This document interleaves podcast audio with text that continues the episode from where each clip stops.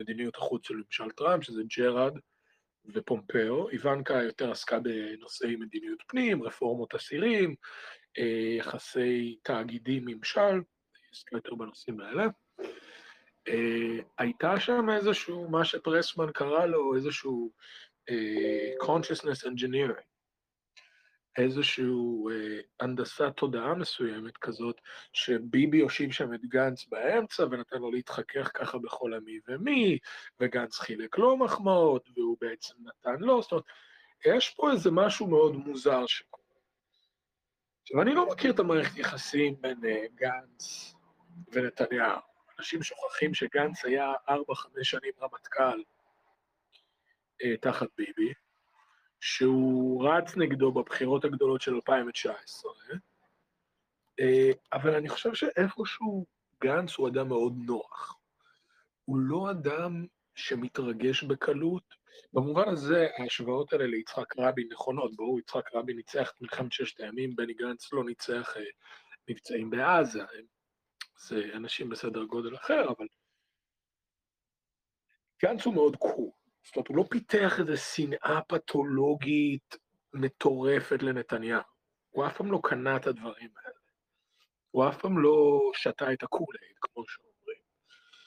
אמ, אז, אז באמת יכול להיות שזה אפיק מעניין, ויכול להיות שהיום, לאור מה שראינו, כן, אנחנו זוכרים את ההתבטאויות הראשונות, שגנץ הוא השטיח שעלה בממשלה הזאת כמה, יכול להיות שיש כאן משהו באמת מאוד מעניין. אני אצטרך לדבר עם אריאל כהנא לראות מה הוא חושב על זה. תראו, אה, קצת לצאת מנושא המיקרו, שאגב, אריאל כהנא כתב טור מצוין השבוע אה, על העניין הזה של הנורמליזציה עם גרמניה, של הנורמליזציה עם גרמניה, ואני מרגיש שהוא צודק. עכשיו, אני רוצה שנייה לעצור את שטף הדיבור, מי שמצא את זה בישראל היום, שוב, ישראל היום זה חרא של עיתון, אבל אריאל כהנא, אלדד בק, אה, אחלה כותבים, אחלה כותבים ושווה לעקוב אחריהם. אני רוצה שנייה לעצור ולגשת לשאלות או לתגובות ולראות אם יש כאן. אה, בואו נראה. אה, אוקיי, אני רואה פה... כן, אה, עמית ברגמן כותב לי שהוא מסכים איתי שג'ן סאקי, מי שלא מכיר את ג'ן סאקי, סאקי זה גם המשקה האלכוהולי שיפנים שותים ושאתם יכולים להזמין בג'פניקה, זו הייתה פרסומת סמויה לג'פניקה. אמ, וגם אמ, זה שם המשפחה של ה deep state operative, שעבדה עם Activision אה, ועם ממשל אובמה, ועכשיו היא הדוברת של ביידן, והוא אומר לי שהוא, עמית ברגמן כותב, אני מסכים איתך שג'ן סאקי היא בחורה סבבה, אה, גם מאוד רהוטה, רק היא שמאלנית נעבך. אני לגמרי מסכים איתך, רוב מערכות היחסים שלי היו עם שמאלניות. אני חושב שהסיבה לזה היא איזשהו צורך אה, חולני שלי לגאול את הטמטום ש... שבזולת בעצם, אה, שעובר איזושהי מודיפיקציה נשית אה, ואיזשהו משהו ביזארי, אבל כן, אני, אני חושב שהיא בחורה סבבה. אה, ברגמן שואל למה בדלנות אמריקאית ביחסי חוץ לא יכולה לעבוד, היא יכולה לעבוד. ואנחנו ראינו אותה עובדת הרבה שנים. ראינו אותה עובדת 90 שנה. 1823, דוקטורינת מונרו אה, יוצאת לידי ביטוי. אגב, אותו מונרו הוא זה שהציל את חייו של תומאס פיין כשהוא היה בכלא הצרפתי, סיפור מעניין. כשהיה גזר דין מוות על תומאס פיין, כחלק מהטרור הגדול, ב-1894 במהפכה, אחרי המהפכה, 893-94. ו... אז כן, אז אה, בדלנות אמריקאית עבדה, טראמפ היה נשיא די בדלן, הוא פשוט סידר את הדברים לפני שהוא יצא. אם אתה מסתכל על האסטרטגיה של טראמפ, זו הייתה אסטרטגיה ששילבה את הטוב ביותר של רוזוולט עם הטוב ביותר של אה, מונרו. זאת אומרת, אה, רוזוולט, כשהוא התעסק ביחסי חוץ, הוא, הוא, פשוט, הוא, הוא פשוט נכנס לשם for the killing, אוקיי? Okay? אה, מה שקרה בפיליפינים אצלו, מה שקרה אצלו במלחמת ספרד ארה"ב, כשהוא נכנס, he meant business, אבל מצד שני הוא גם היה בו משהו מאוד מונרוי. זה שכשהוא נכנס והוא עושה את ה business, הוא לא רוצה להישאר שם לנהל את ה business כמו neo-קונים, אלא הוא לוקח תפיסה יותר ספרטיבית, כי טראמפ למד את הלקח, את השיעור ההיסטורי החשוב ביותר, שה expansionism, וזה קשור לשאלה השנייה של ברגמן, ההתפשטות של האימפריה בשלבים מסוימים היא מעידה מצד אחד על הבנייה שלה הברית, מלחמת מקסיקו, הברית ורכישת לואיזיאנה העידו על התפשטות מסוימת, אבל רכישת אלסקה כמובן, אסור לשכוח, רכישת סמואה אמריקאית, גואם כמובן, העידו על איזושהי התפשטות מסוימת, אבל uh, בשלב מסוים, כשזה כבר נהיה אפגניסטן ועיראק ווייטנאם, uh, וכשאין איזשהו קשר טריטוריאלי פה אפילו, אה, בהתפשטות האימפריה, או קשר מסחרי מיידי שהוא חשוב, אז ברור לנו שמדובר בסימנים של ניוון אה, אימפריאלי, שאני חושב ששפנגלר ואפילו קוויגלי מדברים על האקספנשניזם של האימפריה כשלב הכרחי בדבר. עכשיו. אז זה היה, אה, אני אוסיף לך, קוויגלי אמר שהוא קרא לשלב הזה, אם אני לא טועה, ה-Universal State, ואם אני לא טועה הוא למד את זה ומשותף לו מי שכתב על זה אה, ארנולד טוינבי ההיסטוריון אתה mm. בוודאי מכיר.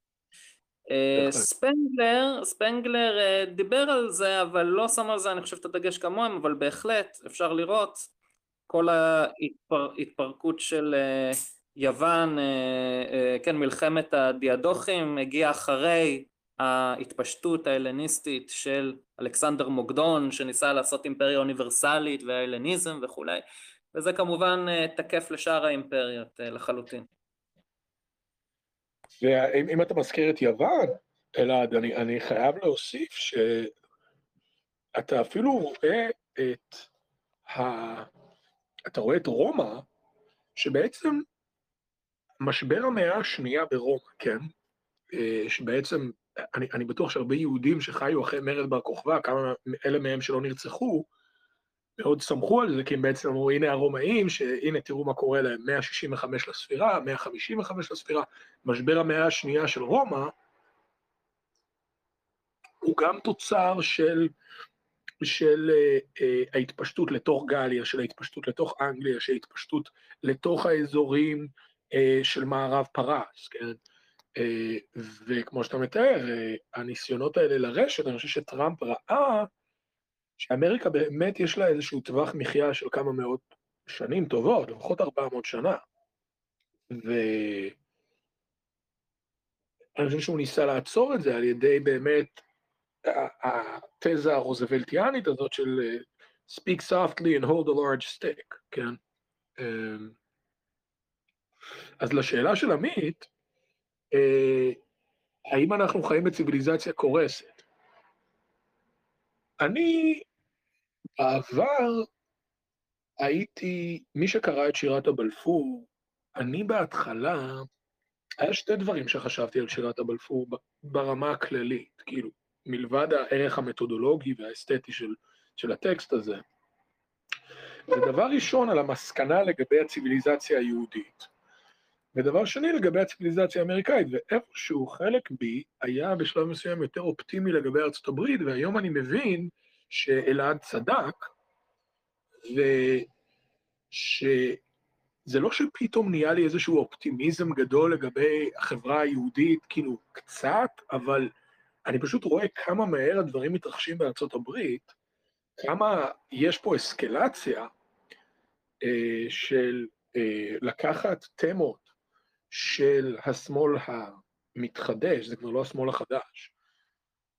ואם זה גזע, אם זה אקלים, אם זה מסחר, אם זה שפה, בעצם את כל הוקטורים של הציוויליזציה, איך הם בעצם מנווטים את הוקטורים האלה לתוך צורות היררכיות, שגרם לי להבין שכל בוגרי קרן וקסנר פה, שמנהלים את העסק, כל סוכני קרן פורד למיניהם, שמי שקרא היום בקונספיר את הדברים המחרידים האלה, אה, יכול לראות שהתברכנו בראש שב"כ חדש, שבא מתוך השאול, מתוך השאול הזה, וזה באמת אחד הדברים שאני מנסה לעשות פה, זה בעצם להציל אתכם מזרועות השטן. זאת אומרת, יש גבול, לא שאני איזה Christian pious פה, כן? אבל יש גבול למה שאנחנו יכולים לעשות, מה שאני יכול לעשות. אה, יש גבול כמה אפשר להעיר את הישנים, שכל בחירות קונים את השטיק הזה של הימין, כאילו כשהימין הוא בשלטון. אבל לחזור שנייה לנקודה הזאת, כי אני, אני רץ פה, זה שבשירת הבלפור יש איזושהי תקווה בציוויליזציה היהודית, ולמול הכרה שהמערב נמצא בקריסה. זאת אומרת, הסימנים שהמערב בקריסה הם מוחלטים, ומי שראה היום גם את הפוסט הנחמד הזה שעלה בקונספיל, עוד, עוד דבר מרתק על אה, דוקטור אה, דניאל אנווין, אה, אני מקווה שאני מבטא את השם שלו נכון, המהפכה המינית, כאילו, שזה בעצם הרברט מרקוזה.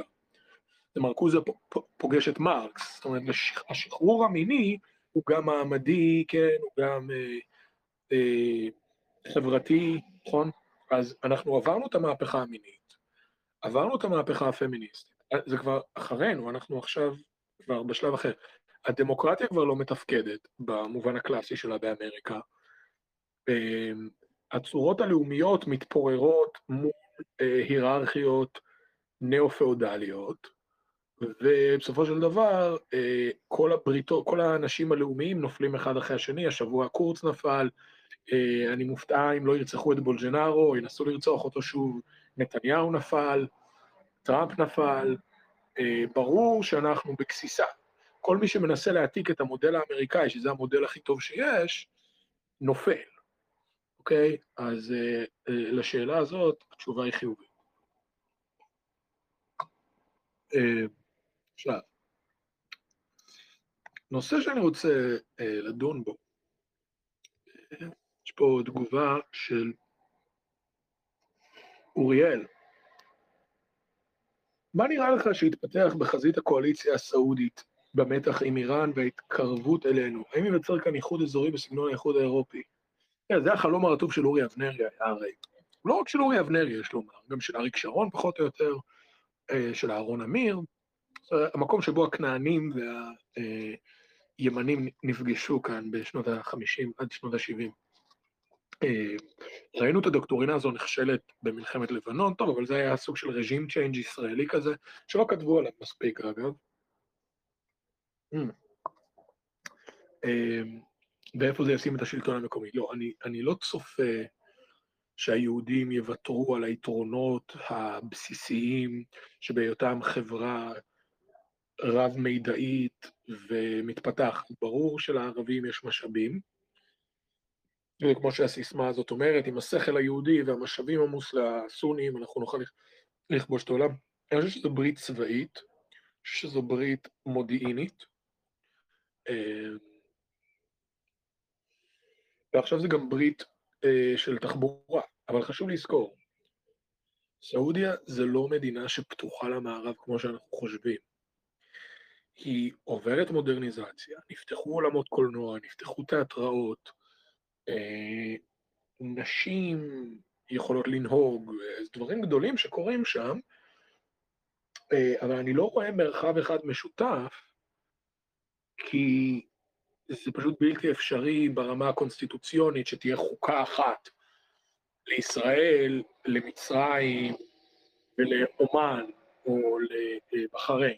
אני פשוט לא רואה את זה קורה, אני מצטער.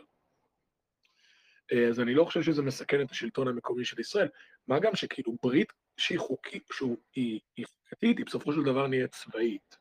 אז המהלך הזה של צבא אירופאי שאנחנו שומעים עליו, הוא לא בא משום מקום. הוא בא כי אם הכלכלה והחוק מאוחדים, אם הארנק מאוחד, כן, והפטיש מאוחד, הדבר הבא זה החרב, אוקיי? אני לא רואה אה, איזושהי ברית הגנה סונית יהודית מול איראן אה, ברמה הפורמלית, אני רואה אותה, אני רואה אותה כאסטרטגיה כדי להתמקד עם האיום האיראני שהוא איום אסטרטגי. זאת אומרת, האסטרטגיה של 20-30 שנה היא טקטיקה בהיסטוריה. אסטרטגיה של 100-200 שנה זה פילוסופיה, זה כבר אמונות. אז הסכמי אברהם היו איזשהו צעד למימוש אסטרטגיה של דור, שתי דורות, כמו שאמר שר החוץ של איחוד האמירויות במעמד חתימת ההסכמים, הוא הדגיש את הדברים, שימו לב, הוא הדגיש את הנוער והוא הדגיש את הקדמה הטכנולוגית. זה שני האפיקים שאני רואה כאן אה, עובדים בקורלציה, אני לא רואה כאן אה, משהו אה, מעבר לזה. עכשיו... משהו אחד כן. קטן, אמ, הסכנה מגיעה דווקא לא מאיחוד אה, מזרח תיכוני, אלא ממה שנקרא איחוד ים תיכוני. וזה באמת תוכנית שכן הונחה על השולחן אה, במה שנקרא ה-Trilateral Commission, הוועדה התלת צדדית של אה, רוקפלר ובז'ינסקי.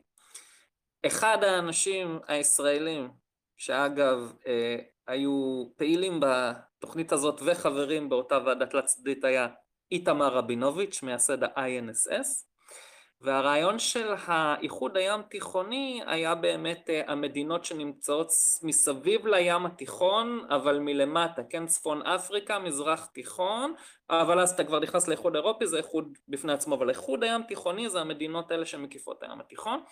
הפרויקט שהיה אמור להשיק את האיחוד הזה זה פרויקט שנקרא Desertec שהיה לשים, לפרוס אה, כמויות עצומות של פאנלים סולאריים שיספקו חשמל נקי מאותם אה, מדברים לאירופה. אה, העניין עם איחוד כזה באמת זה, אתה לא יכול שישראל תהיה יהודית, כי מה יהיה המטבע שלו?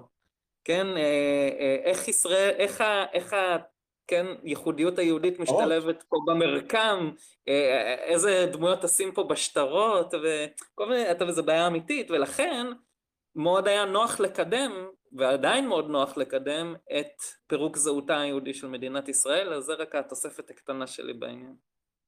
אתה יודע מה, אם כבר איתמר רבינוביץ', אני חייב להעיר הערה, רבינוביץ' היה כוח מאוד חשוב בהסכמי אוסלו. כל החבר'ה של מזרח תיכון באוניברסיטת תל אביב, והחבר'ה של מדעי המדינה באוניברסיטת תל אביב, הם עבדו ביחד על הדבר הזה. זאת אומרת, רבינוביץ' היה כבר משנות ה-70 אה, תלמיד של שמעון שמיר, המזרחן המפורסם, והם הקימו תלמידים, יש להם את אה, אלי פודה שכותב בהארץ, שהוא שם, אריאלי, מה ששמו, שהם כולם פלסטינוצנטרים, הם העמידו עוד דור, והחבר'ה האלה מסתובבים, אני לא יופתע אם הם, הם עובדים ב-INSS גם, אה, אלעד. זאת אומרת, יש פה, וזה לא מפתיע שה-INSS יושב באוניברסיטת תל אביב. אוניברסיטת תל אביב זה גם המקום של המזרחנות הפלסטינוצנטרית, כבר משנות ה-70, שמיר ורבינוביץ', שהמשיכו אותם, בעיקר ממשיך אותם אלי פודה. יש אנשים, מרכז משה דיין, שהם פחות ככה, אבל בסופו של דבר, רבינוביץ' הוא גם היה נשיא אוניברסיטת תל אביב, הצליח אה, ליצור לעצמו שם בסיס כוח מאוד משמעותי. אה, ותוסיף לכך את כל התחזיות שלו אה, לגבי מה שקרה לפני מלחמת, הוא, הוא, הוא לא צעיר רבינוביץ', הוא לדעתי בן 84, 3, אם אני לא טועה. תוסיף את התחזיות של החבר'ה האלה לפני מלחמת יום הכיפורים. תוסיף את התחזיות שלהם לקראת הסכמי אוסלו. אין ספק שיש כאן זרוע מזרחנית מסוימת, אבל אני רוצה לשאול, אלעד, מה אתה חושב על איך ערב הסעודית יכולה לראות כזה איחוד? אה, איחוד אה, ים תיכוני? ברור. אני לא יודע אם הם היו חלק, אני לא, לא חושב שהם היו חלק ממנו, כי הם לא יושבים על הים התיכון, זה אנחנו כבר. בדיוק. אה, בדיוק. אני, אגיד, אני כן אגיד לך, יש לי איזושהי תפיסה קצת רומנטית למה שקורה עם הסכמי ההבראה, מה אני חושב שלדעתי שווה אה, לקחת בחשבון, אולי, או לשקול, מה שווה לשקול. תראה, אה, אני מבחינתי אמריקה גם תיתן לה עוד שמונה שנים של טראמפ, זה כבר לא, לא יעזור, יש לך שם כמה דורות שהתחנכו באקדמיה על אה, באמת רעל טהור, הם בסופו של דבר ינהלו את ערוצי התקשורת המרכזיים, את העיתונות, את הכלכלה, העורכי דין, מתכנני המס, הכל. אין, אין, אין, אני לא רואה הרבה תקווה פה, וגם רואים שהכל שם נהיה יותר רעיל משנה לשנה, וכמובן המעצמות גם יודעות לנצל את זה מעולה, כל הדיסאינפורמציה שלה בין היתר מכוונת כדי להעצים את התהליכים הדקנדנטיים בארצות הברית, והם עושים את זה מצוין. וכמובן הפחד הוא שסין תיקח את המושכות, והקורונה גם מזרזת תהליך כזה. אבל מה, אני חושב שאיחוד, שהוא לא כמו האיחוד האירופי, אבל שהוא יותר בגדר, הייתי אומר, ברית אברהמית של האזור פה, של מדינות uh, מזרח תיכוניות בהובלת ישראל, אמירויות, uh, הוא יכול לתת, הוא אולי יוכל להיכנס לנעליים שאמריקה יוצאת מהם, ולעשות את זה טוב יותר, כי אלה מדינות שגם עכשיו לאט לאט עוברות יותר ויותר חילון, אבל אלה עדיין מדינות מאוד דתיות ושמרניות, שהן לא, לא יהיה, לא יהיה שם את ה... זאת אומרת, הרעל הפרוגרסיבי, יהיה לו קשה מאוד להשתרש שם. זה תזה שהיסטורית יש לה הרבה על מה לסמוך. כי אם אתה מסתכל אני, על אנגליה... זה אני פחות יודע, זה אתה יכול לומר.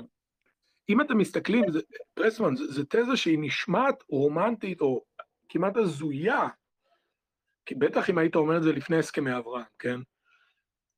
זה נשמע הזוי, חבר'ה, אבל uh, מישהו מכם היה מאמין שאם הייתם, אם אני זורק אתכם לשנת 1500, שפורטוגל וספרד הם האימפריות, אוקיי? שהרעיונות של הרפובליקניזם האיטלקי, של ונציה וגנואה, כן? אה, דש לכל אה, חובבי קונספירציית הוונציאנים למיניהם, כן. אם הייתי אומר לכם שיש איזה אי בצפון מערב היבשת, כן, שהולך לקחת את כל הרעיונות האלה של מקיאוולי, של פיקו דה מירנדולה, אה, של כל מיני רפורמטורים נזירים בנידיקטנים בצפון איטליה, כן, ויקח את האתוס של המסחר הזה, האיטלקי, של הערים החופשיות, ויישם אותו במסגרת אנגלו-סקסית. מישהו היה מאמין לזה? ולכן אפשר לומר שכמו שהאנגלים ירשו את היסוד הרומי והאיטלקי כדי לכונן את האימפריה האנגלו-אמריקאית, כן? יכול מאוד להיות, כן? יכול מאוד להיות, שכשהם קתולים בכלל והם כאילו פרוטסטנטים בכלל, כן? יכול מאוד להיות שדווקא המוסלמים והיהודים, שהם המונותאיסטים, בפינה הזאת של העולם, ייקחו את הרעיונות של הרנסאנס האנגלי והאמריקאי, כי אמריקה פשוט לקחה את הרנסאנס האיטלקי והפכה אותו לחוק. זה כל מה שזה היה. יכול להיות שאנחנו ניקח את הרנסאנס האמריקאי, ובגלל היסודות התיאולוגיים המשותפים שיש לנו עם התפיסה הטרנסצנדנטלית ההומניסטית, נוכל למקם אותם במקום אחר ובעצם להיות breakaway civilization, שמאוד מושפעת מההצלחה הזאת, אפילו שכמו שהרנסאנס האיטלקי שקע ואמריקה שוקעת, בסופו של דבר הרנסאנס האיטלקי שקע, אמריקה קמה. אמריקה תשקע ואנחנו אה, נחיה את הרנסאנס שלה. אנחנו בעצם נשאיל מהם, ואנחנו רואים את זה בכל מיני ציוויליזציות לאורך ההיסטוריה, כן? רומא קמה על אה, חורבות הציוויליזציה היוונית, נכון? ביזנטיון קמה על חורבות הציוויליזציה הרומית, כן? אה, האימפריה העות'מאנית קמה על חורבות הציוויליזציה הביזנטית, כן? אה, האימפריה האנגלית קמה על חורבות הציוויליזציה הספרדית, אוקיי? ולכן כשיש לך את סין בתמונה כיורשת הגדולה ואתה שואל רגע מי יהיה הכוח שיעמוד מול סין? מי, מה האיחוד האירופאי שהוא לחלוטין חלק מהמשחק הזה? מה שאני קורא לו הציוויליזציה האירו-אסיאתית, קו התפר שמחבר בין רוטרדם ובייג'ינג, כן, ה-12 אלף קילומטר האלה של יבשה שאין לה ים, שתפיסה אה, שאני קורא לה אידאו-מטריאליסטית קיצונית, בשונה מהתפיסה הרציונלית-טרנסצנדנטלית, האנגלו-אמריקאית, מי יירש את זה? ואנחנו רואים שהאיסלאמיסטים הסונים והיהודים הבריאים בנפשם, כן, מבינים שלא תקום לנו ישועה מאירופה ולא תקום לנו ישועה מסין, וארצות הברית שוקעת, ולכן אנחנו נצטרך לקחת את הנשק לידיים. אני לא יודע מה יהיה הכוח המניע של הדבר הזה. אה, מה, השאלה היא כזאת, אלעד, מה הסוד שיהיה לצירוף הזה? מה ה-game changer שיהיה לצירוף הזה? ברמה... כן, קודם כל אה, אה, מבחינת שורשים היסטוריים יש גם את העניין שכבר העולם המוסלמי היה יורש של העולם הקלאסי, כן. אחרי רומא, כשרומא גבעה. ואני חושב שיש פה משהו הרבה יותר מעניין מאירופה הנוצרית. כי אתה אמרת משהו אתמול, בתוכנית אתמול, שאגב הוקלטה, אה, אם תרצה שנעלה, אבל אתה אמרת משהו מדהים בעיניי, ושעומד על ההבדל פה בינינו לבין העולם הנוצרי, וגם בין, בינינו ביחד עם העולם המזרח תיכוני הלבנטיני מול העולם הנוצרי, הבדל שאני חושב הוא אה, אה, יכול להגן עלינו מאוד, וזה שהנצרות לא מאמינה בהלכה ובחוק. כן. הדברים צריכים לבוא ממך באופן טבעי, זה למה הם כל הזמן חיים גם בבושה, למה אני לא טבעי כמו, אתה יודע, מעניין. טבעי וזך כמו יש, אז אני כל הזמן חיים בבושה, אז אני הולך לכומר, אני מתוודה וזה, אין את החוק. ודווקא ההערכה הגדולה יותר שהבעת בפרק הקודם לגבי האסלאמי זה שיש להם חוק כמו אצל היהודים, הלכה כמו אצל היהודים, וגם הרחבת משהו נורא מעניין. אה, אם אתה לא רוצה שנעלה את הפרק הקודם אז תוכל לחזור על זה אחרי מה שאני אגיד עכשיו. ואני חושב שהעניין הזה של חוק הוא מאוד מעניין. תראה, הרבה אנשים קוראים את ניטשה כאילו באופן אה, שהוא כאילו ניאליסט. הוא כאילו אומר, לך עם הרצון לעוצמה, והרצון לעוצמה הוא שובר את כל החוקים, ואין חוק קבוע אף פעם, והרצון לעוצמה תמיד משתכלל, והוא יותר חזק, והדרך הנכונה לחיות היא, היא דרך הרצון לעוצמה. עכשיו, זה קריאה פשוט אה, שגויה של ניטשה, שגם אף אחד שלמד באמת את ניטשה, גם קצת, יבין מיד שזה שטות, כי הוא אומר משהו נורא מעניין שמתקשר פה לענייננו, הרצון לעוצמה, אתה חווה אותו, והוא תוצר של חוק, בסופו של דבר. הוא, כשהוא מדבר נניח על, על החוקים, אה, כל מיני חוקים עתיקים, מערכות חוקים עתיקים של ההודים, או התלמודיים, או אחרים, הוא אומר, אלה מערכות חוקים שמעצימות מאוד את הרצון לעוצמה והכוח בעודם. אה, אה, את ה, את ה, הן מעצימות מאוד בעצם את הרצון לעוצמה באדם. ה, היכולת לחוקק את החוקים עבורך ולעמוד בהם נובע רק מהכמות הרצון לעוצמה שיש לך. אצל הנצרות וגם אצל הבודהיזם, הוא תופס את שניהם כשני מערכות ניהליסטיות לחלוטין, רק הבודהיזם זה יותר ניהלי, ניהליזם שמתאים לקבוצה יותר אריסטוק, בשכבה האריסטוקרטית של החברה, אבל אין, אין אצלהם את החוק הזה, הדברים צריכים לבוא יותר uh, מבפ... uh, גם אצלו כמובן יש את העניין של האוטונומיה שמגיעה מבפנים, אבל אצלם זאת אומרת הדבר, הם מרוקנים לחלוטין, נניח הבודהיזם מרוקן לחלוטין את כל החוקים וההלכות של הוודות, ואמרתם לא צריכים את זה יותר, מה שאתם צריכים זה, כן, זה פשוט לא, לא להיתפס, לא, לא לרצות שום דבר שהוא בר חלוף וכולי וכולי שיש בזה את החוכמה משל עצמה, וגם אצל הנצרות, גם אין את ההתייחסות הזאת לחוק, ולכן זה נתפס, זה מה שנתפס יותר כמשהו ניאליסטי. ואני חושב שההערכה הזאת להלכה ולחוק, אה, הם בהחלט משהו שיכול להיות יסוד משותף לאיחוד הזה. זה לא אומר שיהיה חוק אחד לכל, לכל האיחוד הזה, אבל הכבוד ההדדי שיש להלכה, שהיא בסופו של דבר לא רק שהיא ביטוי של הרצון לעוצמה ודוחה את הניאליזם, היא גם ממש חיסון נגד אותו ניאליזם של המערב, אני חושב. אז מה שאמרת אתמול באמת גרם לי לחשוב על זה הרבה, זה מאוד מעניין. אה, זה מדהים מה שאתה אומר, שהרצון לעוצמה בעצם בשלב העליון שלו, לא העליון שלו, אלא אולי באיזשהו שלב מגיע למצב של אה, היכולת לכונן חוק. אמ, זה באמת תפיסה שאני חושב שהתפיסה, ובמובן הזה זה, זה מראה לך את הניאליזם, שבה אין חוק של... כי האין חוק הוא גם... זה, זה מאוד עדין, זה מאוד עדין, כי האין חוק הוא מצד אחד כאילו כאילו חירות, כאילו, כי זה חופש כאילו לעשות הכל, אבל מאידך, הקול הזה הוא כלום שאין לו איזושהי גדר דיאלוגית. החוק הוא באיזשהו מקום הגדר של הדיאלוג. עכשיו, זה למה המהפכנים האמריקאים חיפשו את החוק הטבעי. כי הם חיפשו חוק שמצד אחד יאפשר חופש מקסימלי, אבל מצד שני, שהחופש המקסימלי הזה לא יגביל אותנו לצורות ברבריות של חיים. זאת אומרת, אז איך מאזנים בין הביטויים של הרצון לעוצמה, או הביטויים של הדיונוסיות הקיצונית בהיסטוריה, של הרצון אה, להתפשט באופן מוחלט מכל לבוש או נורמות קונפורמיות כאלה ואחרות, שיש בזה גם משהו טוב מצד שני, אבל מצד שני לא הופכים את זה ליסוד דקדנטי, אלא ליסוד יוצר.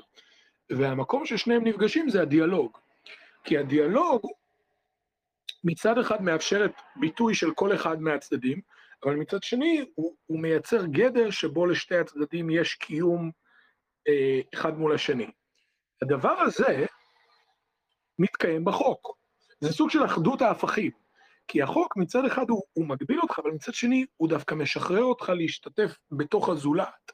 בעצם אתה יכול ליפול לתוך התהום הזה שהוא הזולת, בלי הצורך, אם אתה אינדיבידואליסט כמובן, וניטשה הוא כן אינדיבידואליסט בסופו של יום, אמ, כן אה, לחתוך את הנורמות החברתיות וליצור מתוכם חוק חדש. וזה מוביל אותי למסקנה שכשניטשה מדבר על עולם של עבדים ואדונים, אני חושב שזה עולם של מחוקקים ונחקקים. זאת אומרת, אני חושב שהעולם זה מי שמסוגל לשחק בתוך החוקים, ומי שמסוגל לייצר את החוקים שבתוכם משחקים. מה, מה אתה חושב על זה?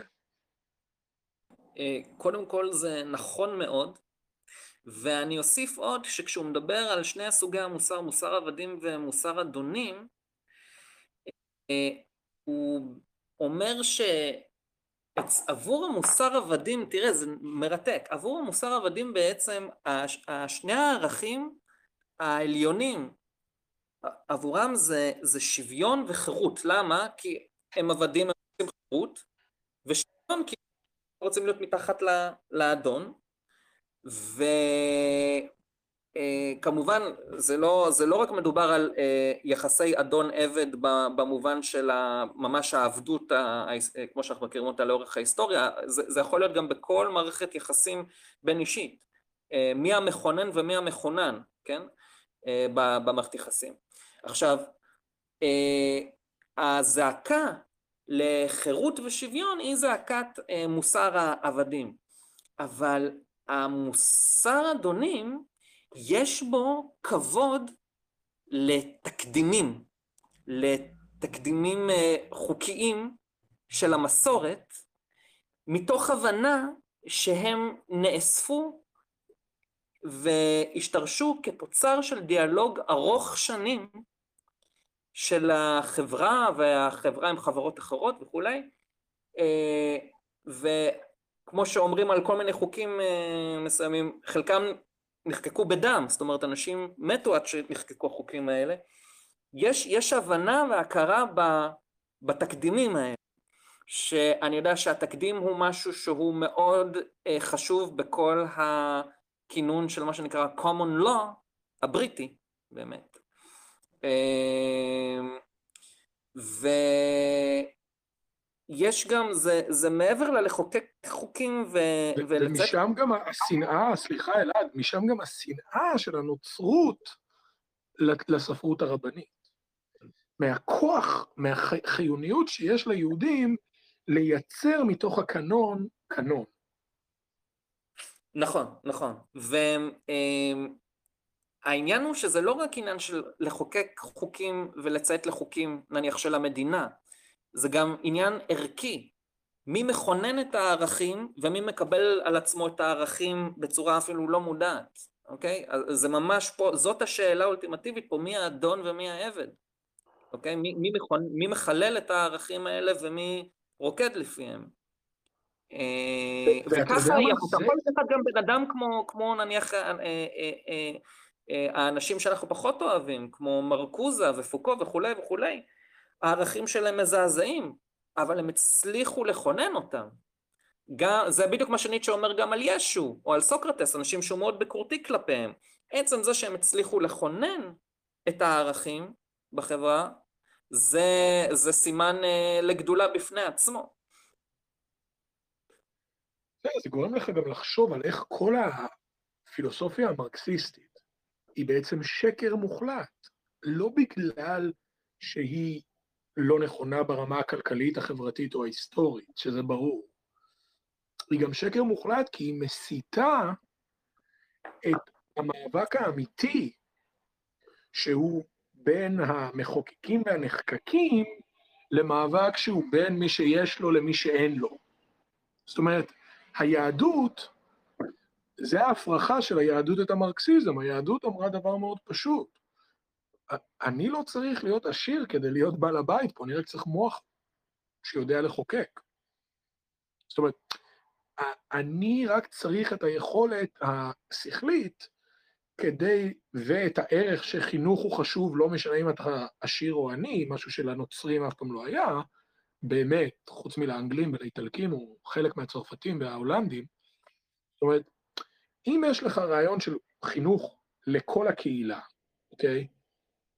ואת הרעיון שהחינוך הזה ממוקד במשפט, אוקיי? אז בעצם אם יש לך סימביוזה של חינוך ומשפט, וזה גם מסביר את הבורות של מרקס לגבי היהודים, כן? שהוא פשוט ראה את היהודים עם כסף במערב גרמניה, והוא חשב, אה, טוב, היהודים האלה הם, הם, הם, הם, הם, הם כל מיני תכסיסנים וכאלה וכאלה. מה שמרקס לא הבין, זה שהמאבק המעמדות האמיתי במרכאות, הוא בין אלה שיש להם את האוזן הקשובה, וזה דווקא משהו מאוד סוקרטי ויהודי. זאת אומרת, משה רבנו הצליח לייצר קשר עם האנשים הכי חכמים, וגם לקרוא את הלב של האנשים הכי פשוטים. וזה השורש של התקדים שאתה מזכיר, זאת אומרת, מצד אחד היכולת לכרוך משפט וחינוך יחדיו, אוקיי? ואז מצד, אנחנו מדברים פה על ארכיטקטורה, כן? וארכיטקטורה של ממשל נאור בעיניי לפחות, אה, וחופשי באמת. ומצד שני, לא רק לכרוך את החינוך ואת המשפט יחדיו, אלא גם שאחרי שהדבר הזה נוצר, אתה כבר לא שואל, אתה כבר לא מסתכל על החברה שלך כ-has and has not, כי לכל אחד יש את הדרך הפתוחה לאולם בית המשפט, לאולם החוק. עכשיו, כשמקור החוק הוא אלוהי, אז זה בכלל רויאל פלאש, אז ניצחת לגמרי. כי אם יש לך גם משפט וחינוך שהם ביחד, גם אגליטריות מסוימת בגישה למשפט, זאת אומרת, כל אחד יכול להיות הפוסק הגדול, נכון? ולבסוף, שהשורש של שני הדברים הקודמים הוא אלוהי, אז זה, זה פשוט, זה משולש מושלם. זאת אומרת, אי אפשר לנצח את הנוסחה הזאת. זו נוסחה שהיא פרגמטית ואידיאליסטית באותה מידה. וזה סוד הכוח של העם היהודי, כן, אה, לדעתי.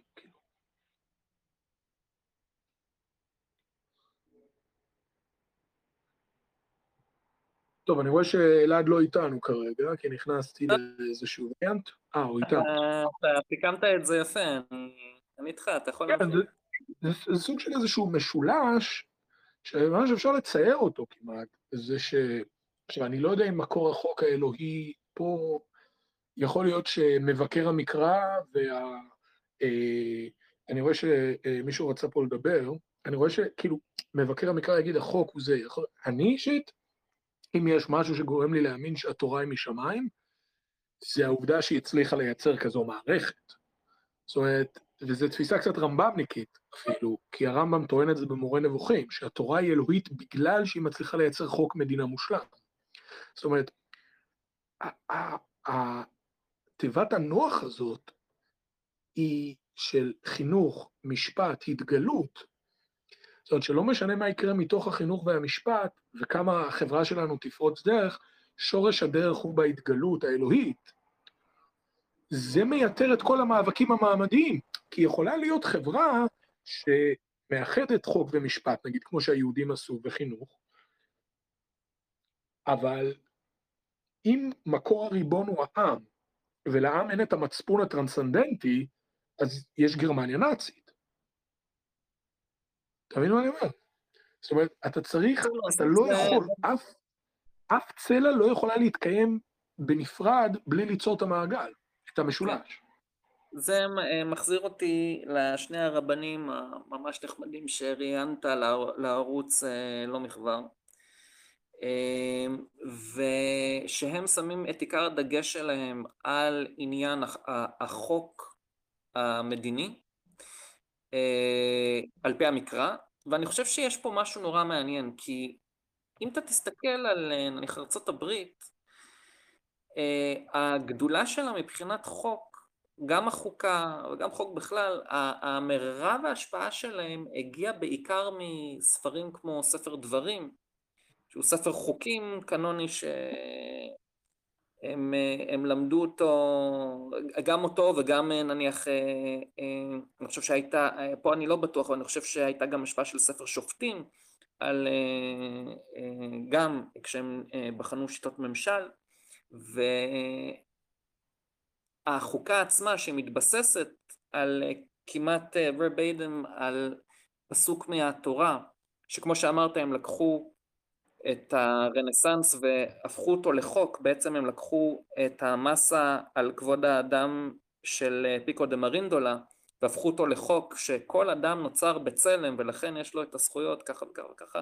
זה בעצם מה שקורה שגויים באים ומקבלים הצצה לעולם החוק של המקרא ויוצרים מערכת מדהימה, ארצות הברית. אבל ארצות הברית כבר כן, היא חולה, אבל יצרו משהו מדהים. אבל זה היה בסך הכל טיפה בים, מה, מה אם ממש נצלול פנימה?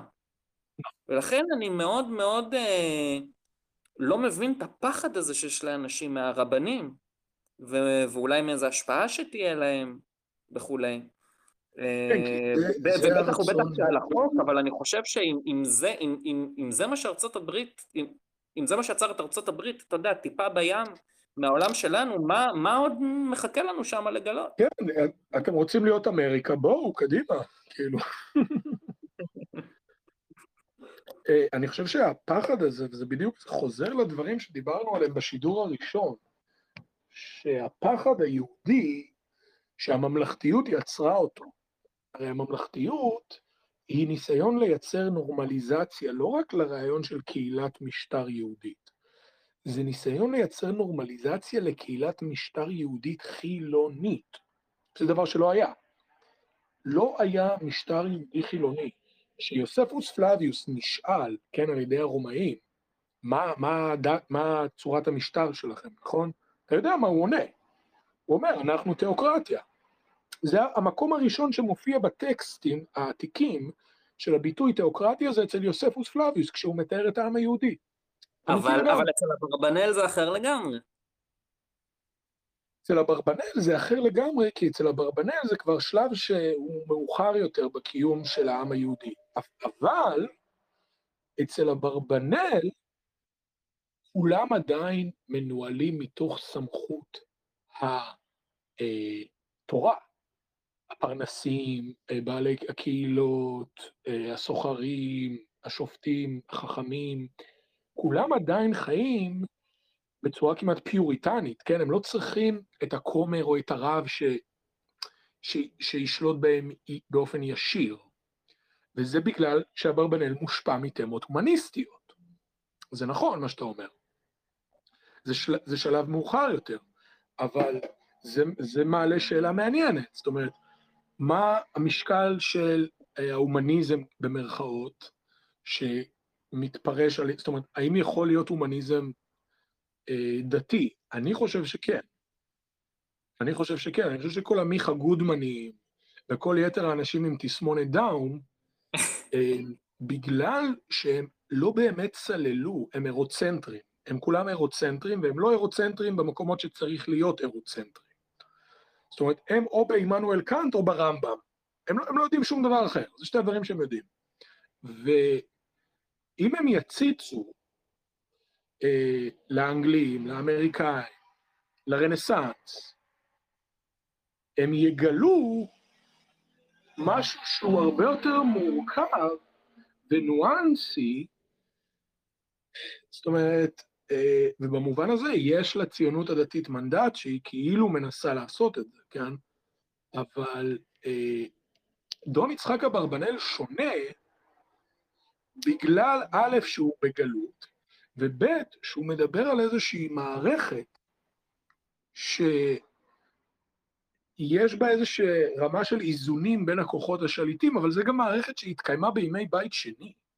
גם בימי בית שני היו איזונים ובלמים. זאת אומרת, היו את הפרושים, והיו את הצדוקים, והיו את הכוהנים, והיה את בתי המלוכה, כן? זאת אומרת, ברור שבית המלוכה היה יותר חשוב, אבל אחר כך הכוהנים היו לא פחות חשובים כאריסטוקרטיה, והפרושים היו לא פחות חשובים כאריסטוקרטיה למדנית פופוליסטית, אוקיי? זאת אומרת, המחשבה הזאת אצלנו בראש, שתיאוקרטיה זה אומר אה, סוג של איזשהו דיקטטור עם אה, ג'לביה על הראש, אה, זו תפיסה מודרנית, זו תפיסה אנכרוניסטית שלנו, שיכולה לקבל איזשהו עידון ברגע שהעם יתחיל לחוקק את החוקים שלו. וזה הרבנים של תורת המדינה, זה בדיוק מה שהם באמת ניסו להגיד, הם ניסו להגיד אמירה שהיא אנטי-קולוניאליסטית קודם כל. רגע, למה החוקים שלכם זה חוקים של אנשים שכבשו אתכם? וב', בואו תראו ברמה הפוזיטיבית שיש לכם כאן את המצבור של החוקים הכי חשוב כנראה בתולדות האנושות, תנסו לעבוד איתו. ומשם המיאוס והשנאה לרבנים. כי אנשים יודעים שברגע שהעם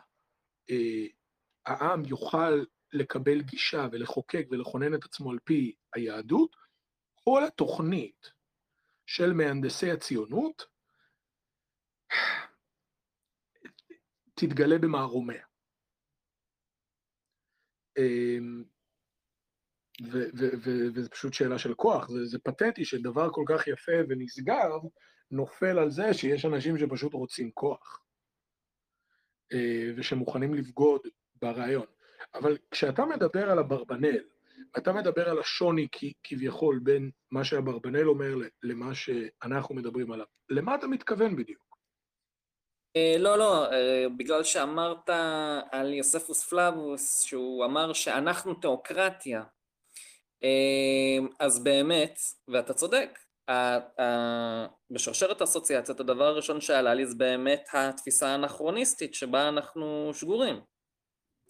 ולכן אה, העליתי את אברבנאל כאחד שהוא מדבר על חוק, התורה, אבל אה, שהשיטת ממשל שהוא מציע היא אחת ההשפעות הבולטות על, בעצם על הליברליזם המערבי שמנסה למנוע שליטת יתר של המדינה, של איזושהי מלוכה. הוא היה מאוד סקפטי כלפי המלוכה והשליטה של שלטון מרכזי. אמ, ואני חושב שחלק מהאנשים רואים אה, אה, השראה לשיטת ממשל אולי יותר מבוזרת אה, במקומות כמו באמת ספר שופטים, ששם זה התקופה לפני שהייתה לנו מלוכה. וכן, זה, זה מעניין, אני, אה, אה, אני, מה, ש, מה שהחבר'ה האלה, אה, תזכיר כן, אתה בעצם מדבר, אתה בעצם מדבר כאן על האם יש יותר מקום לדרבנן או יותר מקום לדאורייתא. אה, כן, כן. זה, אני חושב שמה שמפחיד אנשים זה שכאילו הדאורייתא יהיה משהו מוחלט, זאת אומרת החוק של התורה הוא, הוא, הוא מוחלט, אה, לוקחים אותו ומכילים אותו בצורה כמו הטליבן, באמת התפיסה האנכרוניסטית של אה, תיאוקרטיה, אבל אני חושב שמה שנורא מעניין, וכשאמרת את זה, שהיכולת שלנו לחוקק, להתחיל לחוקק חוקים, ובטח שברוח הספרייה העצומה שיש לנו, שהלכה ו, ולעשה ולמדה את בעצם קנון החוקים ש, ש, אה, אצלנו בתרבות שלנו. ואני חושב שמה שנורא מעניין פה זה אה, מחזיר אותי בעצם לספר של ניידים נייחים של גדי טאופ, שמה שעומד פה על, על, ה, על כף המאזניים בעצם, זה שהיכולת של עם, במקרה הזה שלנו, לבחור בעצמו או נציגים או לחוקק את החוקים בעצמו וכולי וכולי, אה, ושזה עומד בעצם בניגוד לתפיסה בעצם של הניידים, שדווקא היא זאת שרואה איזשהו חוק אה, אוניברסלי או עולם אוניברסלי שבא בעצם למנוע את היכולת הזאת של האנשים, וזה מביא אותי להגדרה של מושג החירות, שאני חושב שהוא הרבה יותר עמוק, או לא יודע אם הרבה יותר עמוק, אבל הרבה יותר מעניין בעיניי ממושג החירות הפשטני והליברטריאני, שאגב לדעתי כן מוביל ותורם לניאליזם בארצות הברית לצורך העניין, אמ, שהרבה מעבר לנסח משהו כמו אני אעשה מה שאני רוצה כל עוד אני לא פוגע בך וזהו זה מכסה הכל. עם זה אפשר לחיות לנצח והכל יהיה בסדר. אמ, אני חושב שהרבה יותר מעניין מזה והרבה יותר נכון זה חירות ברמת העם. החירות של העם היכולת שלו דווקא לחוקק לעצמו את החוקים לעצמו ואת הרצון לעוצמה של עצמו, ולהביא אותם לידי ביטוי, ולהביא למסגרות שדווקא מעצימות הרבה יותר את החיים. ולא איזושהי חירות שהיא נטו שלילית, על העיקר רק אל תגיד לי מה לעשות, ואני, אתה יודע, כל עוד אני לא שורט אותך, וזה הכל בסדר, אני אעשה מה שבא לי, ואתה יודע, מין כזאת חירות ששמה את הבחירה שלך אתה יודע, בחירה כמו האם אני אתאבד היום, או איזה ביג מק אני אוכל היום, זה בערך, אתה יודע, זה, זה שווה ערך, כי העיקר שיש לך את החירות לעשות את זה, שני ההחלטות האלה. ואני חושב שהרבה יותר מעניין זה קבוצה הגדולה של אנשים, עם בסופו של דבר, שיכול, שיש לו את החירות, שיש לו את היכולת, כל הזמן כמובן גם לשנות, אה, איך שהוא, כן, זה... לפי איך שהוא מתפתח, ולחוקק לעצמו את החוקים שלו. אני חושב שזה הרבה יותר מעניין, וזאת חירות הרבה יותר מעניינת, זאת חירות ברמת העם, ואני אוסיף שאני חושב שפה יש גם בלבול של פייגלין, שניסה להכיל את התפיסה הליברטריאנית האמריקאית, שאני לא חושב שהאבות המייסדים היו ברוח שלה, אגב. אמ, אה, אתה יודע, the, the pursuit of happiness, אולי אתה תוכל להרחיב על זה יותר. הוא, המשמעות שלו היא משהו אחר לגמרי מ, אתה יודע, מצעדי גאווה ולאכול ביג מק בדולר ו, ולקנות צ, איזה צעצוע שאתה רוצה בזיל הזול באי-ביי, אלא זה אה, אה, היה כאן, אה, מה שפייגלין עשה, ניסה להכיל את הליברטריאניות האמריקאית הזאת של היא רק הגדרה שלילית של חירות ולנסות לראות או, או, או כאילו לפרש את היהדות לפיה, ו- וככה בעצם, כן, ליצור את, את זהות. עכשיו, כל הדברים הפוזיטיביים שלו דווקא, אלה דברים שהם דווקא, הם לא קשורים לעולם הליברטריאני הזה, הם דווקא קשורים מאוד למסורת היהודית. זה, זה מדהים מה שאתה אומר, כי אתה בעצם מחזיר את ניטשה לבית המדרש. אתה אומר בעצם, בוא נייצר, במרכאות, מסגרת של ערכים שמבטאים רצון לעוצמה במסגרת אה, עממית. זאת אומרת, זה סוג של איזשהו איזון בין אינדיבידואל וקולקטיב, בין פרטיקולריזם לאוניברסליזם. אני הייתי נותן לזה שם קצת פיוטי, הייתי קורא לזה קהילת שיח בתנועה, אוקיי? שהקהילה הזו מכירה שבלי האחד המוחלט, אה, אין אפשרות לייצר איזשהו מערך מוסרי קולקטיבי. כי מה זה העם? העם זה מסגרת דיאלוגית רחבה פשוט. העם, כשמישהו מטייל באוסטרליה והוא פוגש איזה ישראלי פתאום, כן? והוא כאילו מדבר, אה, ישראלי וזה, ו... תראה, יש שם, יש... אני הייתי באמריקה, הייתי בצרפת, פגשתי שם אה, אמריקאים, כן? שהם כאילו... לא, אני לא אומר שאין כאלה ישראלים, אבל הם היו כזה, או, אתה אמריקאי, איכס, אתה מבין? שהם רצו להיות צרפתיים כאלה, כאילו. ואני חושב שהכמיהה היהודית, הלב היהודי החם, כמו שקוראים לו, זה באמת, הגאווה היהודית נובעת מהדבר הזה. מהיכולת לייצר קהילת שיח, זה נשמע הדבר הכי גיי בעולם, כן? קהילת שיח. נשמע כמו איזה משהו של... אה, כאילו הקראת ספרים של טרנסג'נדר או משהו. תמתג את זה מחדש אה, בהזדמנות, כן. כן, לא, אבל הרעיון הזה של, של קהילת שיח טרנסצנדנטלית פרגמטית, אה, זה משהו שמקיים בדיוק את מה שאתה מדבר. זאת אומרת, הנוצרים אומרים, אה, חוקי התורה לא חשובים, למה? כי פאולוס אמר שאף אחד לא יכול לקיים אותם. ואחי, הם יורים את זה, הם יורים את זה. כל נוצרי שאתה שואל אותו על החוקים של, ה, של התורה, הם אומרים לך, אי אפשר לקיים אותם, אי אפשר לקיים אותם. סבבה, כאילו, אוקיי, אני אפילו לא, יש כאילו מיליון הפרחות לזה מתוך התורה עצמה, אבל לא משנה. שהתורה כאילו עצמה אומרת, אפשר לקיים את זה וצריך לקיים את זה, אבל לא נורא. הבעיה שלהם זה שברגע שהם לא יכולים לעמוד מול חוק האלוהים, הם באיזשהו מקום, או שהם נכנעים מול חוק האומה, או שחוק האומה עצמו הוא לא אלוהי. ומעטים האנשים, כמו שאתה ציינת, שהצליחו אה, לקחת את שניהם. ואותי מעניין אם אתה תוכל להרחיב על, ה... על איך אנחנו, איך הדברים האלה אה, נוצרים. אני חושב שזה ייווצר על ידי שבטים של שופטים. אם אנחנו נייצר שבטים של שופטים או מסגרות משפט אוטונומיות, שאני לא מכיר במסגרת המשפט הישראלית, זה משפט של עמים אה, נוכרים, אין לי שום סיבה להכיר בהם, כן? זה הרעיון, כאילו. השיא של הנורמליזציה של היהודי זה מערכת המשפט הממלכתית. זה כאילו יש חוק אחד, אתה לא יכול לייצר שום חוק משל עצמך. זה הדבר היפה במערכת המדינות האמריקאית, שבמדינה אחת, אה, לא יודע, אתה יודע, גם שם בית המשפט העליון מנסה להשתלט על זה, אבל במדינה אחת, אתה יכול לקנות קופסת סיגריות ב-4 דולר, במדינה אחרת זה יהיה לך 20 דולר. למה? כי המדינה הזאת הם ככה.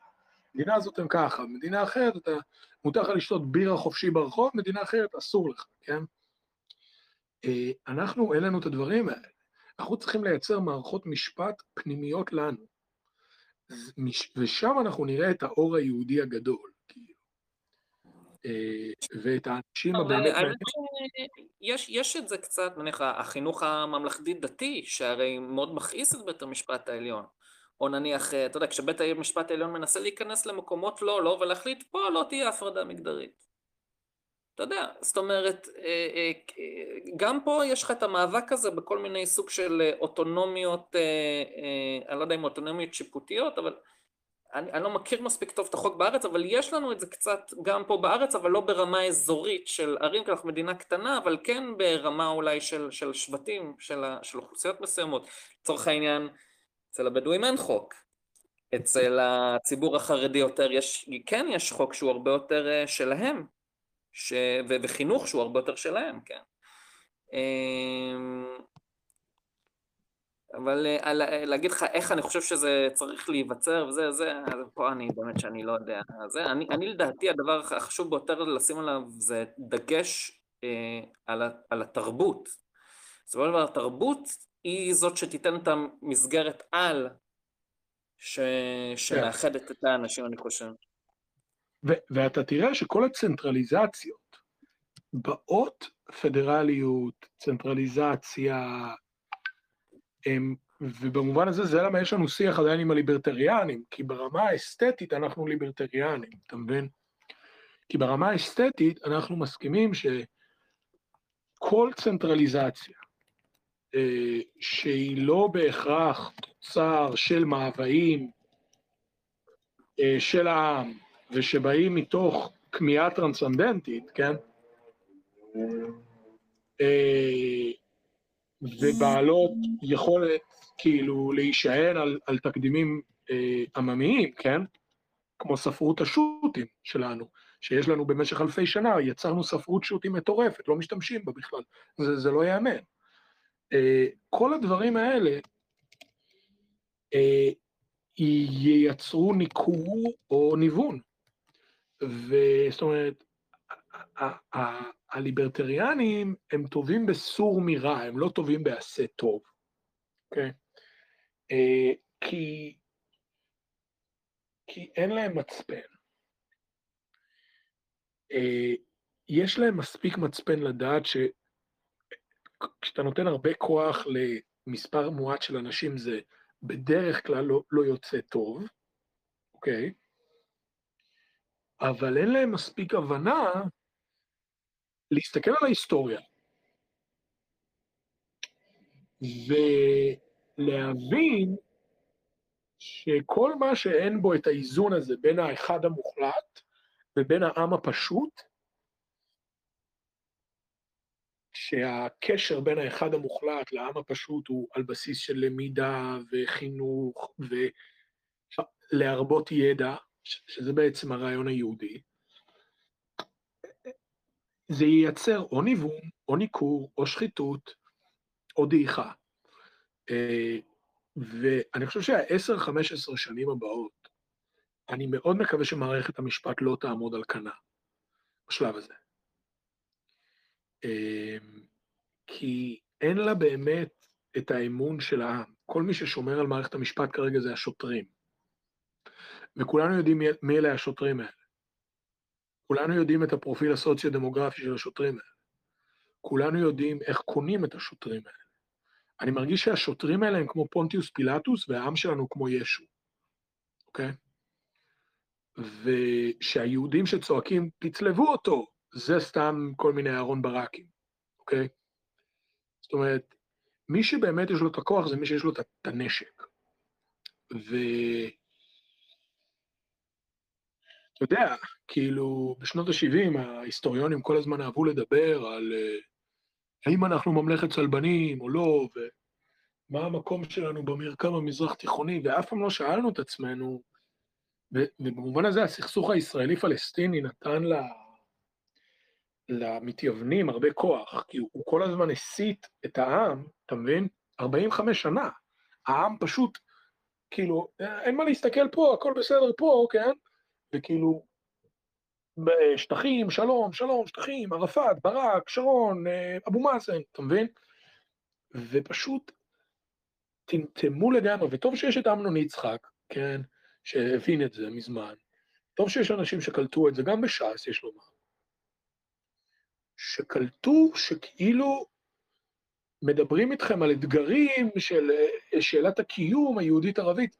זה בכלל לא שאלת הקיום, זה שאלה צדדית. ו... אמ, שנייה, זכרתי מה רציתי לומר. כן, ושעכשיו אנחנו מתחילים לראות שהם לא יכולים להסיט את המבט שלנו יותר, שזו השאלה האמיתית.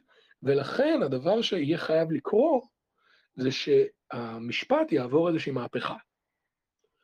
אה, אנשים התחילו לחנך את הילדים בבית יותר, אנשים התחילו לשפוט את עצמם.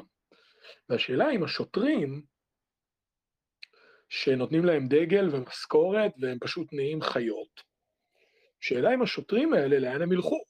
זה האנד גיים. זה האנד גיים. לאן השוטרים במדינת ישראל ילכו? האם הם ילכו לכיוון של העם, או שהם ילכו לכיוון של המפכ"לים ואנשי קרן וקסנר? ומתוך שם אנחנו נראה איך הציוויליזציה היהודית תתקיים בחמישים, מאה השנים הבאות. האם היא תתקיים כניסיון לנרמל את היהודי, לבטל את הרבדים הטרנסצנדנטיים שלו, לבטל את הרבדים ה-common senseים שלו, לבטל את המורשת ההלכתית, דתית, רוחנית, תרבותית שלו. ואלעד, אני, אני חייב לתקוף רגע את המסורתיים למיניהם. אני חייב. כי אני כל הזמן שומע את uh, הדוברים שלהם בעל פה, במרכאות. מה הם מציעים? מה הם מציעים? הם מציעים להישאר באות, באותה דרך של דרך כזב. דרך שהם לא בחרו, דרך שלא קשורה למסורת שלהם, שלא קשורה לתרבות שלהם, שלא קשורה להיסטוריה שלהם, והם רוצים לקרוא לזה, זה אומר שהם רק רוצים כוח, אלעד. זה אומר שברדוגו ובן חיים רק רוצים כוח, בתוך המערך הקיים. הם לא רוצים לשנות את המערך, אין להם חזון לשינוי המערך, אפילו ש"ס, באותה מקום שהם נמצאים. היחיד שהיה לו את הרצון הזה, זה מיכאל בן ארי, אה, דוקטור מיכאל בן ארי. אמ, ואני חושב שכאילו במובן הזה, עם מצנקש בליכוד, יהיו חייבים לדבר על הקמת בתי משפט אלטרנטיביים בצורה פדרטיבית. זאת אומרת, ישראל צריכה להפוך לפדרציה. לא יעזור. עכשיו, אני נשמע כמו משוגע, אבל היסטורית, אני מחזיר אתכם לשנות ה-70. כל שנות ה-70, אתה יודע מה, אלעד, אתה יודע מה הייתה השאלה כמעט הכי מרכזית בבחירות של 73 ו-77? אני איתך, אני איתך. השאלה הייתה, בחירות אזוריות או לא? פדרציה או לא? בגין, אה, רבין, אה, אה, דש, מפלגת דש, כן, אמנון רובינשטיין למינה, כולם רצו בחירות אזוריות, זה נפל בגלל ליברלים עצמאיים, זה נפל בגלל סיעות קטנות של שתי מנדטים. אבל זה נפל גם כי לא רצו לפתוח את הרשימות אחרי מלחמת יום כיפור, זה נפל כי לפני המהפך, המערך חשש שהדבר הזה יפגע בו, בפריפריה, בקולות של הפריפריה. אה, זה לא רק שינוי שיטת הבחירות, זה שינוי השיטה, כי אנחנו לא יכולים להמשיך לשתף פעולה עם המשטר הזה. אה, כי פילוסופית הוא טועה, וכי היסטורית אנחנו רואים מה הוא עושה למנהיגים הנבחרים של העם. מה שהוא עשה לנתניהו, כן? שכאילו אני יכול לחלוק עליו מהיום עד מחר, אבל מה שעשו לו זה פוטש, אוקיי? אמ, השיטה הזאת, במקום לייצר פדרציה, יצרה היררכיה. הרעיון של הפדרטיביות הוא מאוד פשוט. פדרטיביות אומרת, זה ממש אסתטית, היא אומרת בוא נמתח את הדברים ככה, לרוחב, כי לכולנו יש אחד. זה בעצם שיטה של פירמידה קצת. היא אומרת, החוק והמשאל והחינוך יהיו ככה, והמקור שלהם יהיה אחד. אתה מבין מה אני אומר? הוא יהיה האל, אוקיי? עכשיו, האל, אם אתה באיזה פסטיבל של ניו אייג', הרוח, whatever, כן? עכשיו, אה, לדעתי מה שעובד הכי טוב, שזה כמובן האל האחד, אה, אלוהי אברהם, יצחק ויעקב, כמו שפסקל אה, אומר, כן? לא אלוהי הפילוסופים. עכשיו, הרעיון ההיררכי זה פירמידה הפוכה. מה זאת אומרת? בפירמידה ההפוכה יש את ג'ון דו, כמו בספר, בסרט המפורסם של פרנק קפרא, Meet John Doe, מכיר? לא מכיר האמת. אוקיי, בסדר. בפירמידה, שוב, וזה ההבדל בין, בין הרציונליסטים הטרנסצנדנטים לאידאו-מטריאליסטים. כשאני כבר יודע על מי, ומישהו פה שאל על הקשר בין הבודהיסטים לגרמנים, וזה הקשר. עכשיו, אצלנו, כאילו אצל היהודים, אצל האנגלים, אצל האיטלקים, השיטה הייתה, אה, השיטה האמיתית הייתה שיש, זאת אומרת, זה לא בהכרח תמיד יתממש בצורות ההיסטוריות, בצורה ההיסטורית זה יתממש בעיקר בארצות הברית, אבל כי זו הייתה שיטה ממש, שכאילו היה בה משהו, כאילו, זה לא סתם שתומאס פיין כותב כל הזמן על תקופת השופטים ופחות, והמלכים, בעד, בעד השופטים ונגד המלכים, אוקיי? זה לא סתם. אז הצורה הפדרטיבית היה בה איזשהו היגיון פרגמטי מאוד. להרבות חירות זה להרבות אופנים של ביטויים שיש בהם את החוק ואת המשפט ואת החינוך, אבל שהם לא מכתיבים מלמעלה למטה על ידי סמכות אנושית. עכשיו, וזה רחב ככל שניתן, ולכולם יש כאילו את הרעיון של אלוהים. כן, כמו אצל ג'ון לוק, אין אתאיסטים במדינה שלי. עכשיו, ולמה לוק אומר את זה? כי הוא אומר, אי אפשר לכתוב חוזה עם אתאיסט. זה, זה מה שלוק אומר שם. כאילו, שימו לב לפסקה מפורסמת שמופיעה בוויקיפדיה גם של לוק בעברית, שהוא בעצם אומר, כל התחייבות בין אנשים בלי אלוהים לא שווה כלום אם אין אלוהים ביניהם. עכשיו, זו אמירה קשה, זו אמירה לא נעימה, אבל זו אמירה שהסתברותית היא נכונה. הסתברותית היא נכונה. היא אמפירית לא בהכרח נכונה, למרות שהיא גם נכונה, ראינו, המאה ה-20 היא הוכחה שאמפירית היא נכונה, אבל הסתברותית היא נכונה, גם במצב מיידי. עכשיו, אצלם השיטה עובדת אחרת. אצלם. זה כמה שיותר רחב, וגם עולה למעלה כמה שיותר צר, אבל זה פירמידה הפוכה. למה? כי הסמכות היא לא אלוהית. הסמכות היא לא אלוהית, הסמכות היא מהחץ של הפירמידה שעומד תחתון, ושמרחיב את עצמו, הוא מרחיב את עצמו ככה. ו... ו... עכשיו, היית אומר, רגע, אבל, יאיר, אם התחתית של הפירמידה היא למעלה, אז בעצם מי שעומד בראש הפירמידה למטה, אז, אז הוא דווקא למטה. לא. בגלל שהם מטריאליסטים, אידאו-מטריאליסטים, כן? כי צורת השלטון שלהם היא אפלטונית לחלוטין. אה, היא היררכית, היא אידיאליסטית לחלוטין. אז הם טוענים שמי שעומד בעצם בקצה של הפירמידה ומביט למעלה, דווקא הוא השליט. כשהוא מביט למעלה, הוא מביט על כל מי שכפוף לו. במקום שזה יהיה שכולנו נהיה למטה ונביט במי שאנחנו כפופים לו. הם מביטים עלינו, כי האדם בסוף הוא הלמטה, הם חושבים שיש ציר אחד למטה. והוא מתפרט בצורה ריכוזית, זאת אומרת, הוא מושפע, זה איזשהו שכפול של השליט. ככה העם הזה נראה, העם נראה כשכפול של השליט. במקום שהוא יראה כשכפול של האלוהים, או של מערכת המוסר והחוק האלוהית, הוא נראה כשכפול של השליט המסוים. עכשיו, זה המערכת שאתם חיים בה. אתם חיים במערכת שהיא שכפול של השליט, שהיא שכפול של הערכים של השליט, של השפה של השליט, של התרבות של השליט. במקום שתחיו במערכת שהיא שכפול של עצמכם, אוקיי? עכשיו, יש כאן, אני לא יודע אם יש כאן קשר לדקדנס העירוני, אוקיי? כנראה שיש. כנראה שיש סיבה שג'פרסון התנגד לחיים אורבניים, כן? כנראה שיש סיבה לזה. אבל אני חושב שהניכור האורבני, הוא מאפשר את הדברים האלה באמת. הוא מאפשר לפירמידה הזאת להתקיים, ולריכוזיות הזאת להתממש.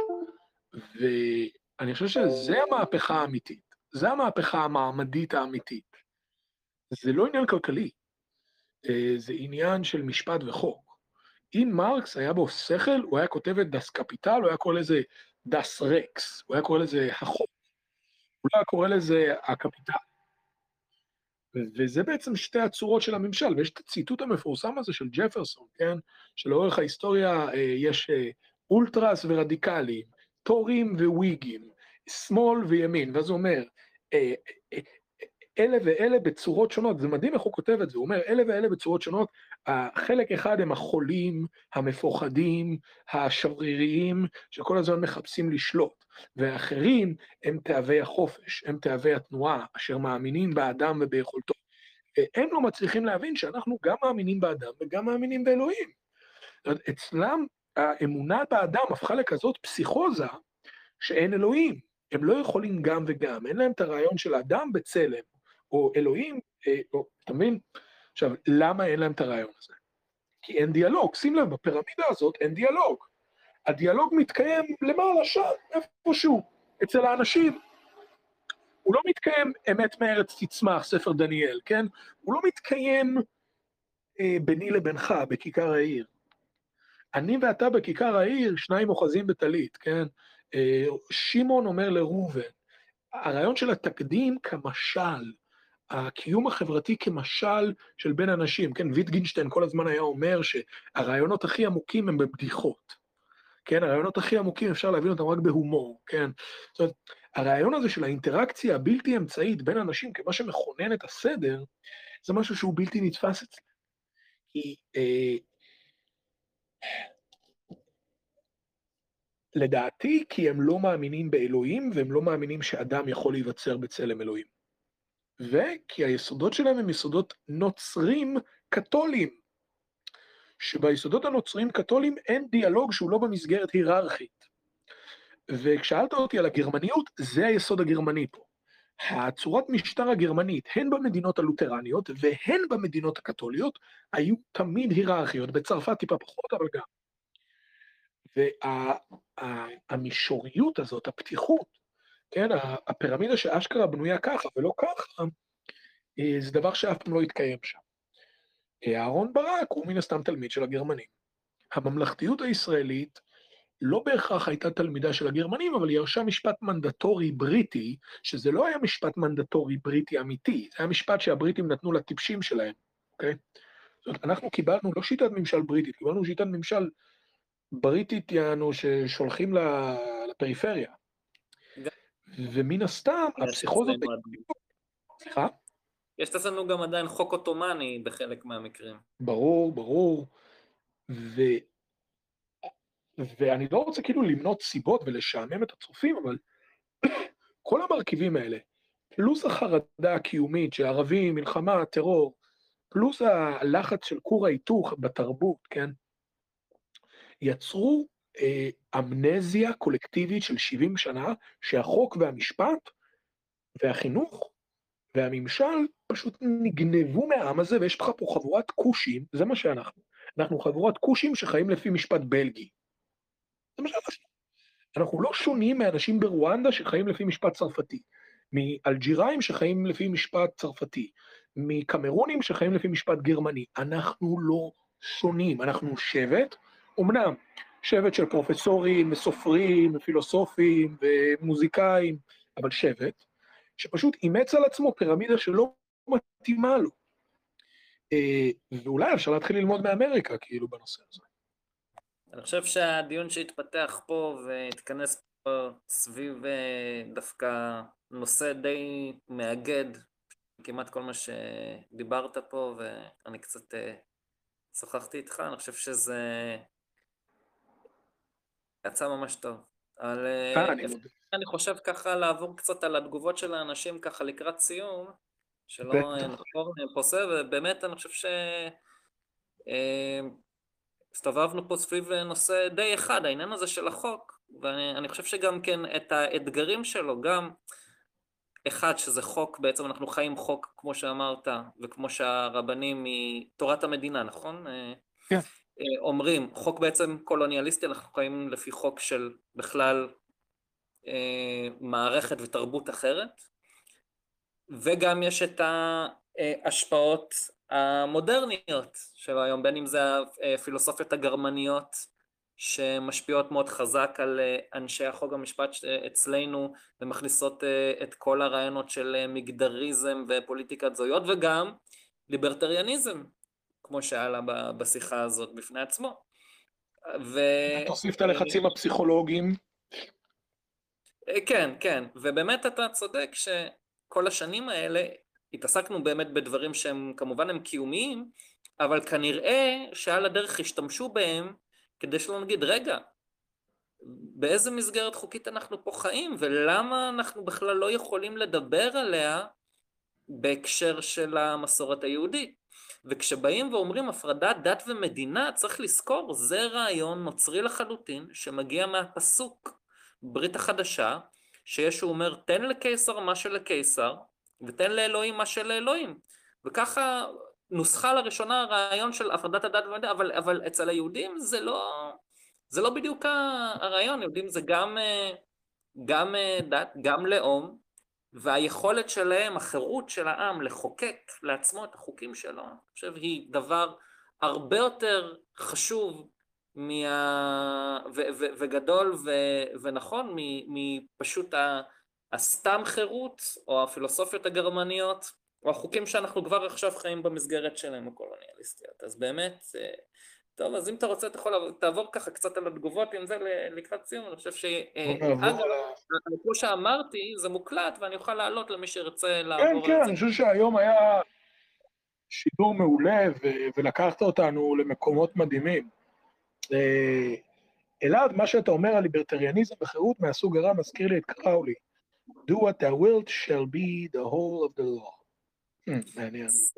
אגב, אז בואו אני רק אה, על המשפט הזה, אולי אני אעשה שידור מחר מיוחד על שהתוכנית שלי, זו הייתה התוכנית של קליינבאום, קוראים לה התקף לב, התוכנית שלי תתעסק יותר בחוות סודיות. ה-Do what thou wilt של אליסטר קראולי, אפשר יהיה לדבר מאיפה זה מגיע ומאיפה זה התפתח. אני לא, אני לא יודע אם אני מחדש לך יאיר, אבל הפעם ראשונה שנוסח הרעיון הזה ושממנו זה כנראה נלקח על ידי קראולי הוא מהספר גרגנטואה ופנטגרואל של פרנסואה רבלה. הוא היה הומניסט, אה, אלכימאי, קבליסט אה, אה, מהרנסאנס, וכשאני אומר הומניסט זה לא הקקיומושית של היום אני הומניסט שמאמין בבני אדם, לא, זה פשוט אנשים שלמדו את שפות המקור של היוונית המקורית, הלטינית, העברית, וניסו להבין את הטקסטים בשפת המקור, בעצם over שמרנים, ו, ובמקום שתיווכו להם את זה ההיררכיות של הכנסייה. אה, ומצאו ודלו משם הרבה מאוד אה, רעיונות אה, גדולים. והספר הזה הוא ספר שמי שמכיר ויודע, עשיתי סמינר על קומר זרטוסטר של ניטשה, זה כנראה הספר הבא שאני אעשה עליו סמינר. ומשם בעצם קראו לי לקחת, את What Thou Will, זה היה איזשהו מנזר שייסד שם אחת הדמויות כתגובה למנזרים הנוצרים שהיו קיימים באותה העת, ואני אוכל להרחיב על זה בתוכנית שאני מקווה אולי לעלות מחר, באותה שעה בערך עשר וחצי, אחת עשרה, משהו כזה. פנטסטי. אלעד, תודה. בכיף, יאיר, היה ממש, היה ממש תענוג לשמוע אותך היום, ממש. תודה, תודה לך, אתה בהחלט עזרת לי היום, ואני מקווה שבתוכנית הבאה אתה גם תוכל לעלות ונמשיך לדון, ואולי באמת בתוכנית הבאה תוכל, האיחוד הזה שעשית שם, עם הרעיון הניטשיאני הזה, מה שאני אומר, הבאת את ניטשה לבית המדרש, זה סוגיה שדורשת הרבה מחקר ועיון, והיא מרגשת ומרתקת. ואני חושב שהרבה רבנים יוכלו להבין מזה אה, משהו משמעותי. אה, ומישהו פה שאל, מה זה מצנקש בליכוד? אתה רוצה אולי אה, לזרוק איזה מילה? כן, כן, אני יודע, אני שמתי לב שאתה הזכרת את זה הרבה פעמים, אבל ממה שאני מבין כעיקרון, בערך כמו שפייגלין עשה פעם וגם עושה היום, ועוד כל מיני קבוצות, הכוונה היא ליצור התפקדות בתוך הליכוד שיהפוך לכוח אה, שבו כאשר יהיו פריימריז, אז המועמדים לפריימריז, אם יהיו מספיק מתפקדים שיאמינו במצע של מצנקש בליכוד, אה, אה, ויצטרכו את הקולות, הם יצטרכו להתחייב גם לחלק מהדברים שיעלו בעצם במצע. אה, אז זה הרעיון בכללי. וזה מוביל אותנו לרפובליקה החישובית. כן, זה מוביל אותנו אבל, אבל זה באמת מוביל אותנו, שאגב, זו הרצאה שנתתי פעם במכינה קדם צבאית, שאמרו, אלעד, אם אתה אה, כל הזמן סקפטי לגבי מחאות ו- ו- והפגנות וזה, מה אתה מציע? אז אני אומר, להכיר את המשחק הפרלמנטרי הלגיטימי טוב, ולשחק בתוכו כמו מסי. אני חושב שהתפקדות בתוך uh, מפלגת שלטון, אני חושב שזה דבר הרבה יותר חכם מללכת עכשיו uh, ולזרוק uh, ביצים ולהפגין ולהוציא את הגרון. זה גם הרבה יותר יעיל וגם יותר פועל. זה בגדול, אם הבנתי נכון הרעיון, זהו. תודה, תודה לצופים. אלעד, תודה לך. שמחה. ונתראה בתוכנית הבאה של התקף לב. אנחנו, היה גם מחשבה לקרוא לזה אולי טיפול נמרץ, קצת יותר עדין, אבל הלכנו עם התקף לב. אז uh, אני הייתי קליינבאום, ובעזרת השם uh, נוחם בבניית בית המקדש בקרוב, מתוך uh, חוקי ישראל, ושיהיה לכם לילה מקסים.